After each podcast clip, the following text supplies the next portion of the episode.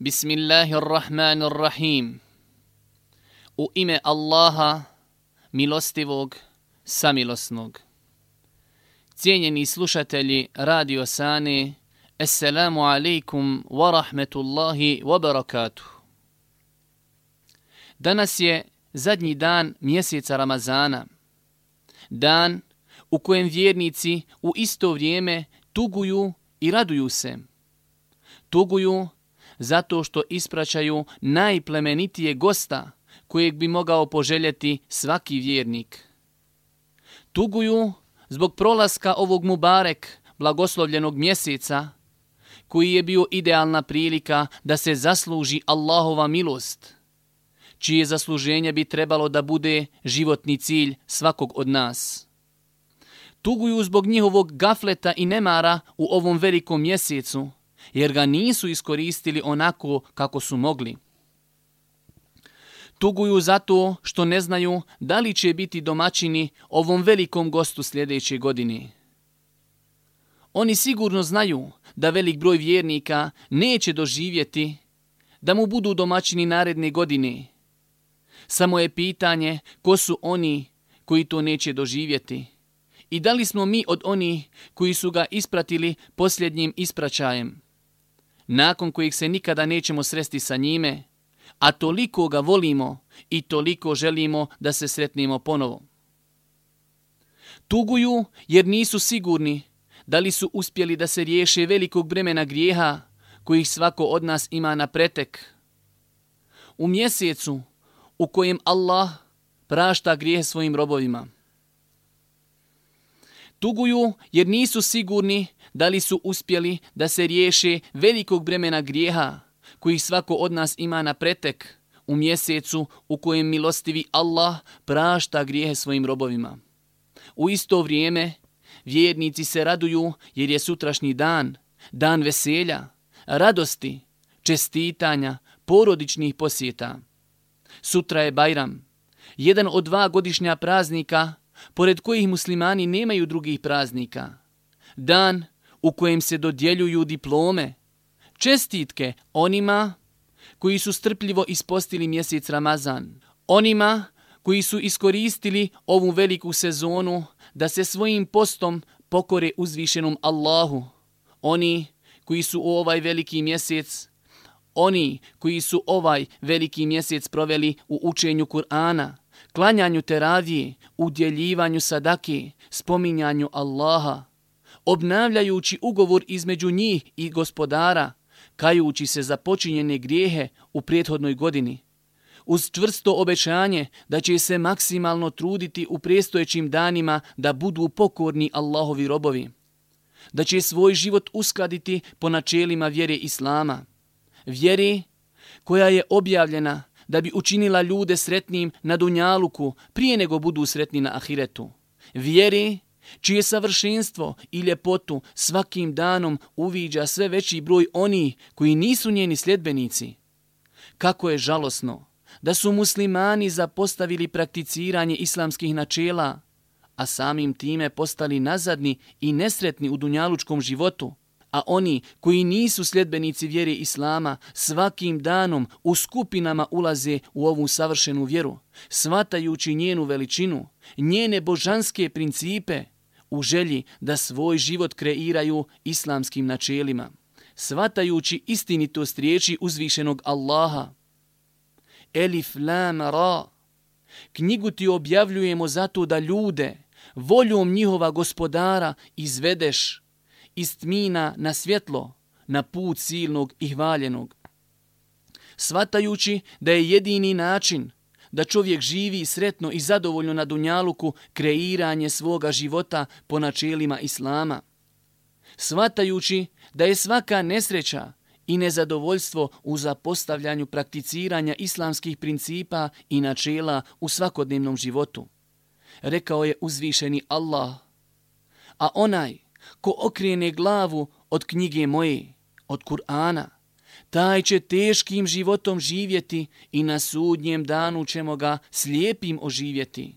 Gospodaru moj, reći će, zašto si me slijepa oživio kada sam vid imao? Evo zašto, reći će on, Dokazi naši su ti dolazili, ali si ih zaboravljao. Pa ćeš danas ti isto tako biti zaboravljen. I tako ćemo mi kazniti sve one koji se pohotama previše odaju i u dokaze gospodara svoga ne vjeruju, a patnja na onom svijetu biće u istinu bolnija i vječna. Kada bismo samo znali čiji post, sadaka, učenje Kur'ana, teravije, noćni namazi, dove i drugi ibadeti koji smo činili u mjesecu Ramazanu su primljeni kod gospodara, pa da mu čestitamo, da ga zagrlimo, jer je on zaista najveći dobitnik.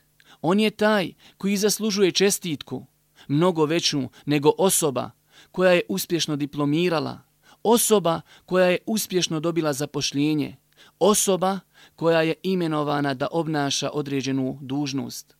Mi takvima čestitamo i treba im čestitati, ali su mnogo preći čestitke oni koji su iskoristili ovaj blagoslovljeni mjesec u pokornosti Allahu, pripremajući se za dan kada neće koristiti sinovi niti imeci.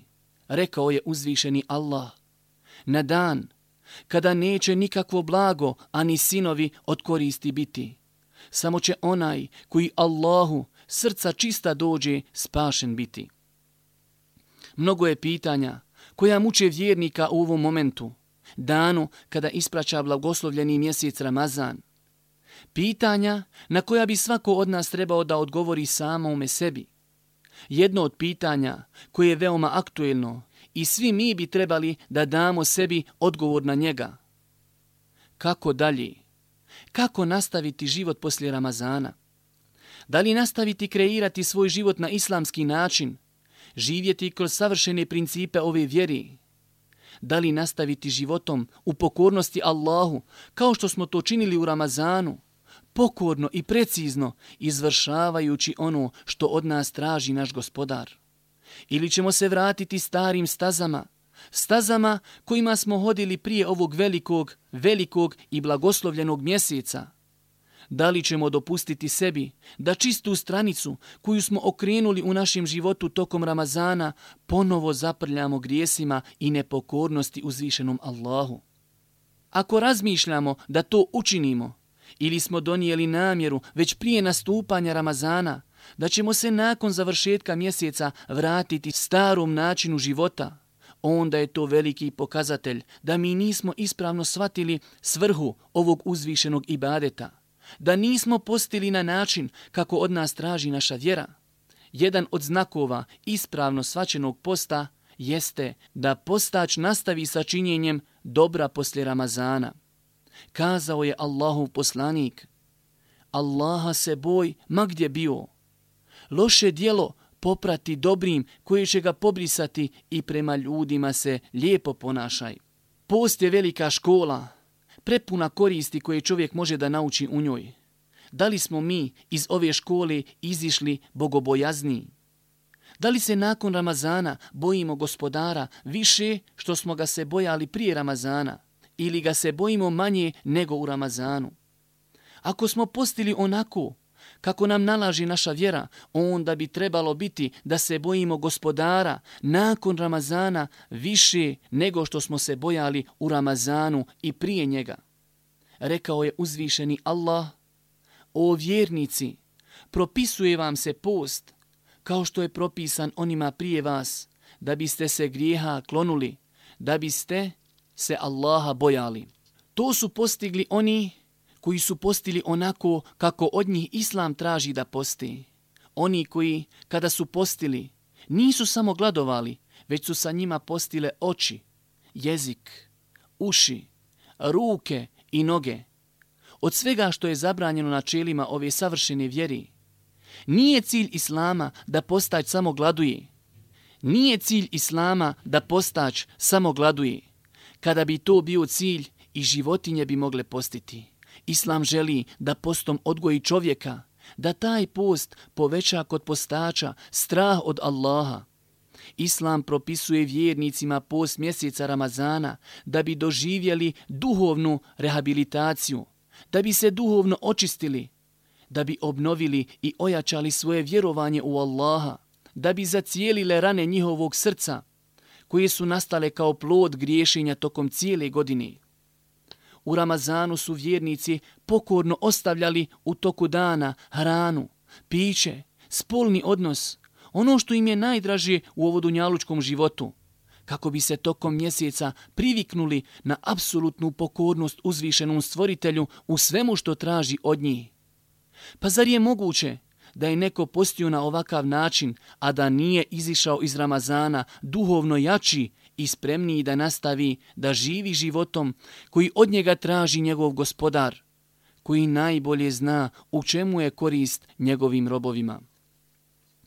Također, od koristi koji smo trebali naučiti u školi postaje da je Ramazan bio idealna prilika da se pokajemo, vratimo svome gospodaru, da odlučimo da ćemo nakon Ramazana biti pokorniji, da ćemo biti nakon Ramazana pokorni Allahovi robovi, da iskoristimo taj mjesec u kojem su povezani isputani šetani od njihovog djelovanja, kao što nas je o tome obavijestio Allahov poslanik, onaj koji ne govori po hiru svome.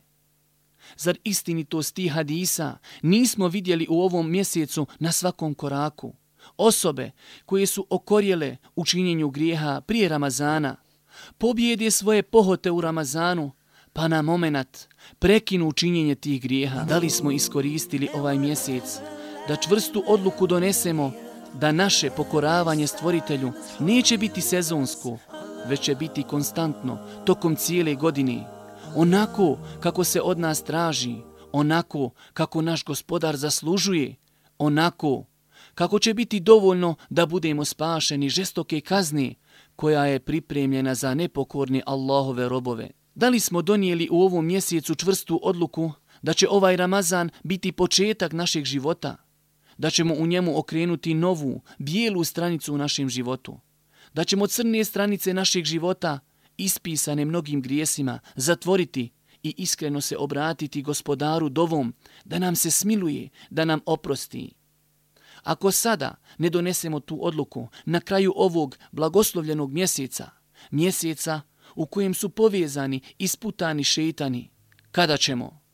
Ovaj moment ispraćanja mjeseca Ramazana trebali bi iskoristiti da napravimo jedan inventar naših dijela, našeg života i da vidimo u kojem pravcu ide naše životno poslovanje.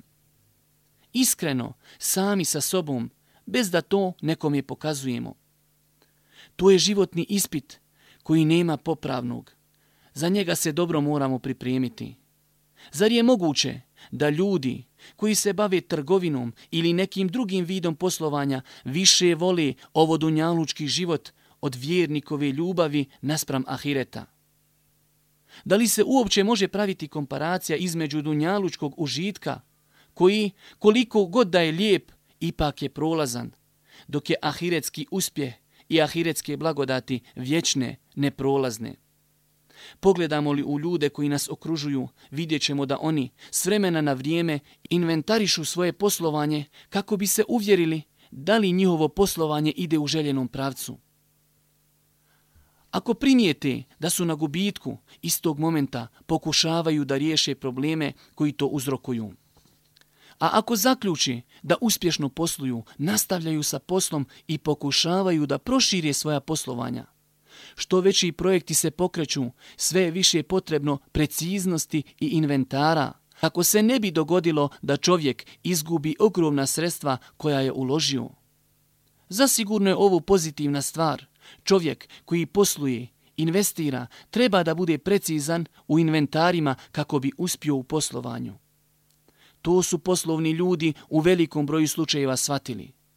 Također su shvatili da ako želiš postići mnogo, treba da si spreman na maksimalna ulaganja truda, da si spreman na samo odricanja, da radiš kada drugi spavaju, da minimalno trošiš sve kako bi postigao ono što si zacrtao.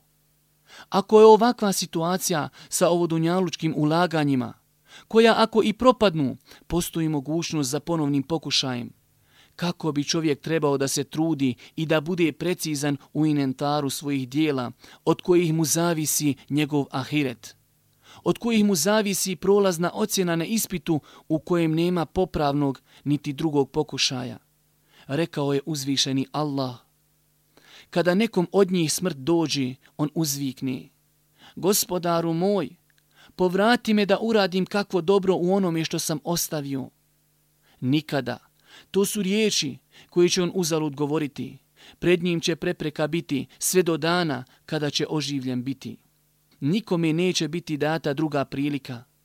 Zato je od izuzetne važnosti da čovjek inventariše svoja dijela, ono što je uradio u, prethodnim u prethodnom periodu, pa da vidi da li njegovo životno poslovanje od kojeg mu zavisi vječni uspjeh ili propast na budućem životu ide u željenom pravcu.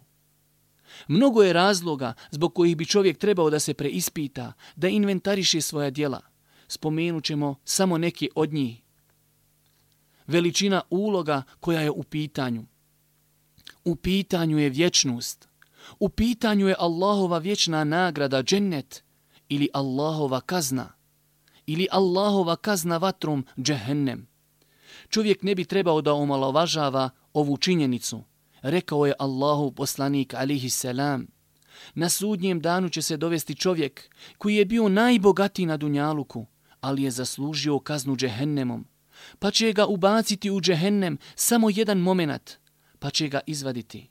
Nakon toga upitati da li je ikada doživio neku ljepotu, da li je ikada doživio neku lijepu stvar, pa će kazati, ne, o gospodaru, nikada ništa lijepo nisam doživio zbog žestine i kazni, zaboravio je na sve blagodati koji je doživio na Dunjaluku, a kako i ne bi. Ako je vatra džehennema jača od ovodunjalučke vatri 70 puta, a i ovodunjalučka vatra bi bila dovoljna da čovjek zaboravi u njoj sve blagodati koje je doživio. Pa nastavlja Allahov poslanik pa kaže, nakon toga će dovesti osobu koja je bila najsiromašnija na Dunjaluku, osoba koja je imala najviše iskušenja, i koju su mnoge nedaće zadesile u ovodunjalučkom životu, a zaslužio je džennet, Allahu u vječnu nagradu. Pa će ga uvesti u džennet samo na momenat i izvesti ga iz njega, pa će ga upitati, jesi li ikada kakvu patnju doživio? Nikada, o gospodaru, nisam nikakvu patnju doživio, odgovorit će.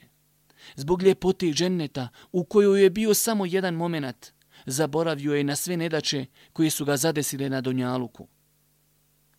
Možda smo, možda smo tek sada shvatili bitnost inventarisanja dijela još dok imamo priliku da popravimo naše stanje, ako se ispostavi da naše životno poslovanje i pripremanje za ahiret ne ide u ispravnom smjeru. Također, od bitnosti samo obračuna inventarisanja dijela ukazuje činjenica da čovjek, ako prokocka ovu šansu, druga šansa mu se neće ukazati. To je ispit za koji ne postoje dva ispitna roka. To je ispit sa jednim ispitnim rokom. Čovjek bi trebao da bude svjestan činjenici, da što više bude precizan i strog samome sebi u inventaru dijela, toliko će mu biti lakše polagati račune na sudnjem danu a polaganje računa na sudnjem danu neće biti nimalo jednostavno. Rekao je uzvišeni Allah, onaj ko bude uradio koliko trun dobra, vidjet će ga. A onaj ko bude uradio koliko trun zla, vidjet će ga. Također, kaže uzvišeni Allah, i knjiga će biti postavljena. I vidjet ćete griješnike prestravljene zbog onoga što je u njoj. Teško nama, govorići, Kakva je ovo knjiga? Ni mali, ni veliki grijeh nije propustila. Sve je nabrojala i naći će upisano ono što su radili.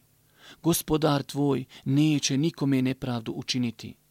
Također, rekao je uzvišeni, on ne izusti ni jednu riječ, a da pored njega nije prisutan onaj koji bdije. Na sudnjem danu će se otvoriti 99 registara u kojima su pisana čovjekova djela. Dužina svakog od njih je dužina pogleda, onoliko koliko doseže pogled. Zato bi se čovjek trebao da priprema za taj moment, da ne pomisli da će se i tamo moći nekako provući kao što se na Dunjaluku provlačimo.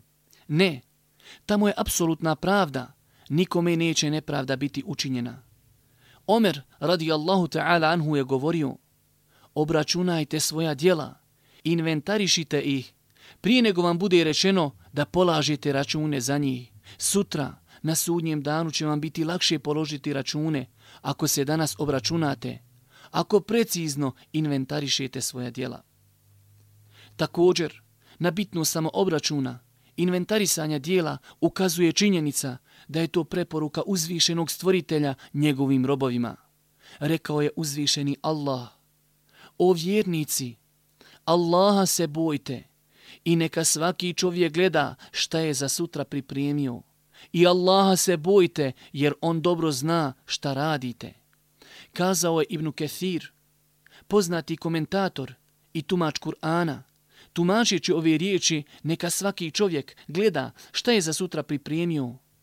Preispitajte sebe, prije nego budete preispitani i pogledajte kakva ste dobra djela pohranili za sebe, za mjesto povratka sučeljenja sa vašim gospodarom. Sve spomenuto zasigurno nedvosmisleno ukazuje na bitnu samoobračuna, inventarisanja naših postupaka, ponašanja i dijela. Ako bi na sve spomenuto dodali činjenicu da vrijeme u kojem živimo nimalo ne ide na ruku onima koji se pridržavaju principa ove savršene vjeri, to bi bio dodatni motiv za samoobračun i inventar naših dijela. Društvo u kojem živimo u velikoj mjeri se odaljilo od islamskog načina življenja. Pa čak oni koji prakticiraju vjeru i njene principe u svakodnevnom životu, zbog toga nerijetko budu izloženi ismijavanju, kritikama, dobacivanju, a ponekada i fizičkim napadima. Nerijetko ih etiketiraju onim od čega su oni čisti. Nerijetko se u današnjem vremenu želi poistovjetiti prakticiranje vjeri sa konzervatizmom, nazadnošću, terorizmom i mnogim drugim stvarima od kojih je čista ova uzvišena i savršena vjera. A tako bi trebalo da bude i sa onima koji prakticiraju načela vjeri u svakodnevnom životu, ako su ispravno shvatili vjeru. Trebali bi da budu daleko od svakog vida nepravde, nekulturi, terorizma, konzervatizma. Čovjek, ako ne bude inventarisao svoja djela, sigurno će se utopiti u sredinu koja je ogrezla u svim vrstama grijeha i onoga što je zabranjeno od strane mudrog zakonodavca. Sredina je takva da neprimjetno i automatski poziva u razvrat, nemoral, grijehe. Pogledajte samo kako odrastaju naša djeca uz televiziju i ono što se servira na njoj. Tako da za njih od rane mladosti postaje normalno gledanje porno scena, koji se prikazuju na televiziji, dok je to nekada bila velika sramota. Nije davno bilo kada su starije osobe okretale glavu od televizije ako bi vidjeli nešto od čega se razuman insan stidi. Naša djeca odrastaju u okolini u kojoj se pobožni i čestiti ljudi ismijavaju, omalovažavaju, smatraju za ostalim samo zato što prakticiraju vjeru. Kako očekivati od takve djece sutra da budu čestiti, pobožni, oni koji prakticiraju vjeru? Čovjek, kada bude inventarisao svoja djela, trebao bi da ima u vidu sljedeće stvari. Da se zapita u tom samo obračunu, inventaru dijela, da li je zahvalan uzvišenom Allahu na blagodatima kojima je Allah obdario svakog insana posebno i čovječanstvo općenito. Da li smo ikada razmišljali o Allahovim blagodatima prema nama? O njihovom broju, raznolikosti, o tome kako mi zahvaljujemo, o tome kako mi zahvaljujemo onome koji nam je podario te blagodati. Pogledajmo svi skupa u blagodati kojima nas je počastio uzvišeni Allah. Koliko ih je? Vid, sluh, govor, voda, kisik, zdravlje, sloboda, mir i mnoge druge. Toliko je blagodati da ih je nemoguće prebrojati, kazao je milostivi Allah. Iako biste Allahove blagodati brojali, ne biste ih nabrojali. Čovjek bi trebao da bude svjestan činjenice da on to svojim ponašanjem ne zaslužuje. Čak, nasuprot, on zaslužuje da bude uskraćen svakog vida blagodati, ali je to Allahova milost prema njegovim robovima dao im je tolike blagodati i ostavio im slobodnu volju da izaberu da li će biti pokorni ili ne. Kada bi Allah davao ljudima ono što zaslužuju, nestalo bi ljudi sa zemlje zbog mnošta grijeha koje čini. Rekao je uzvišeni Allah, kada bi Allah ljude zbog grijehova njihovi kažnjavao, ništa živo na zemlji ne bi ostavio, ali on ih do roka određenog ostavlja. I kada rok njihov dođe, ni za trenga jedan ne mogu ni odgoditi ni ubrzati. Svako od nas bi trebao da se zapita kako koristi Allahove blagodati kojima nas je obdario. Kako i u čemu koristimo blagodat vida. Da li gledamo ono što nam je dozvoljeno, ono što nam koristi, a tih stvari je toliko da se ne mogu prebrojati. Ili tu blagodat koristimo u stvarima koje je milostivi zabranio. Gledamo razgoličene žene, porno filmove, zapadnjačke zabludjale serije. Čitamo erotske časopise. Je li to zahvalnost na Allahovoj blagodati? Tako što je koristimo u zabranjenim stvarima – Kada god budemo htjeli pogledati u neku od navedenih stvari, treba da se sjetimo da ćemo jednoga dana odgovarati za to. Kazao je Allah milostivi, ne povodi se za onim što ne znaš. I sluh, i vid, i razum, za sve to će se zaista odgovarati. Da se sjetimo kako je onima kojima je uskraćena ta blagodat, koliko bi željeli da uživaju tu blagodat. Da li bi oni bili nezahvalni kao mi. Rekao je uzvišeni Allah, Allah vas iz trbuha majki vaših izvodi. Vi ništa ne znate i daje vam sluh i vid i razum da biste bili zahvalni. U drugom ajetu kaže uzvišeni, reci, on sve stvara i daje vam sluh i vid i pamet, a vi malo zahvaljujete. Mi ne da nismo zahvalni uzvišenom Allahu na svemu čime nas je obskrbio, već i prkosimo na način što te blagodati zloupotrebljavamo i koristimo ih u ono što nam je zabranjeno. Rekao je uzvišeni Allah. Zaokupljava vas nastojanje da što imućniji budete, sve do grobove ne naselite, a ne velja tako. Saznaćete sigurno. I još jednom, ne velja tako, saznaćete sigurno. Ne velja tako, neka znate pouzdano, džehennem ćete vidjeti jasno. I još jednom, doista ćete ga vidjeti očigledno, zatim ćete. Zatim ćete toga dana za sladak život biti pitani sigurno. Razmislite kako je osobama koje Allah stvorio bez razuma, abnormalne osobe, kako se ponašaju, ne razlikuju dobro od lošeg, ne razlikuju ono čega bi se trebao stidjeti i onoga čega ne bi. A mi, taj svoj razum, u čemu ga koristimo? Dosta puta od sebe činimo luđake, da li alkoholom, drogom ili na neki drugi način. Činimo ono čega se razumni ljudi stide pričati, a kamoli činiti. Taj isti razum je dokaz za nas ili protiv nas u svemu što smo učinili. Mi smo toliko zapostavili načela vjeri, toliko se odali grijesima kao da nikada nećemo polagati račun za to. Postavlja se pitanje, da li smo mi doista ubijeđeni da je Allah vječan i živ, da sve vidi i sve čuje? Ako bi kazali da ne vjerujemo, onda je naše vjerovanje neispravno. A ako bi kazali da vjerujemo da nas uzvišeni neprestano vidi i čuje, pa zar ga se ne stidimo zbog činjenja onoga što nam je zabranio? Zar se ne bojimo njegove kazne koja je pripremljena za nepokorne robove? Znajte da ćemo na sudnjem danu biti pitani za svaki postupak, za svaku sekundu našeg života. Da, za svaku sekundu našeg života. Kazao je Allahu poslanik alihi selam, onaj koji ne govori po hiru svome.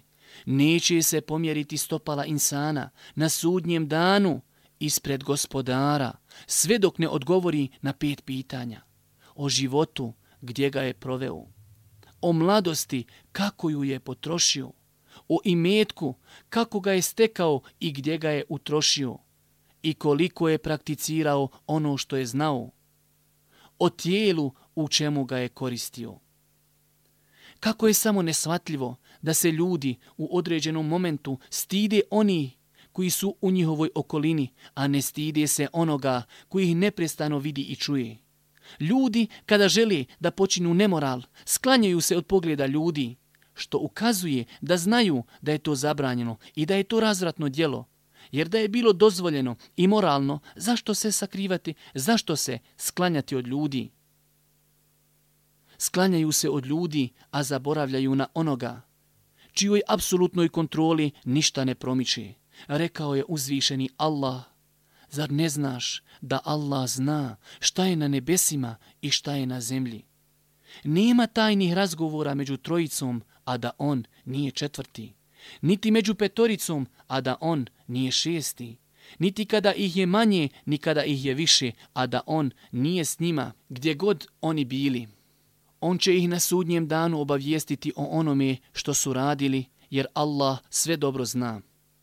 Zaista je absurd da je čovjek u toku posta ostavljao hranu i piće u momentima kada je bio sam, bojeći se Allaha, gospodara svjetova, a kada završi Ramazan, na svakom koraku griješi, zaboravljajući da Allah neprestano bdije nad njegovim postupcima.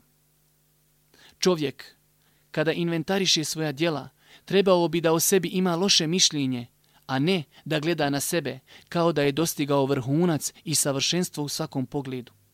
Ne, trebali bi uvijek da čeznemo za većim stepenima i da smatramo da smo zakazali i da možemo više. Jedino na taj način ćemo uspjeti da se održimo u ovim teškim vremenima. Vremenima kada je veoma otežano prakticiranje vjeri, iako je u osnovi vjera prirodna i lagahna za prakticiranje. Ali su se ljudi toliko izopačili da su došla vremena kada se dobro smatra zlom, a zlo se smatra dobrim. I na kraju, trebamo smoći snage i čvrsto odlučiti da će ovaj Bajram, završetak ovog Ramazana, biti naš novi početak, naše ponovno rađanje, sjesti i inventarisati naša dijela, koja su izuzetno oskudna, a zatim puni elana, duhovno pročišćeni u Ramazanu, zavrnuti rukave i početi sa ozbiljnim pripremama za ispit, koji nema popravnog, za dan kada će se mnogi kajati, ali im kajanje neće koristiti. Cijenjeni slušatelji Radio Sane, to je bilo sve što smo vam pripremili u današnjoj emisiji. Do sljedećeg slušanja za 15 dana. Assalamu alaikum wa rahmetullahi wa barakatuh.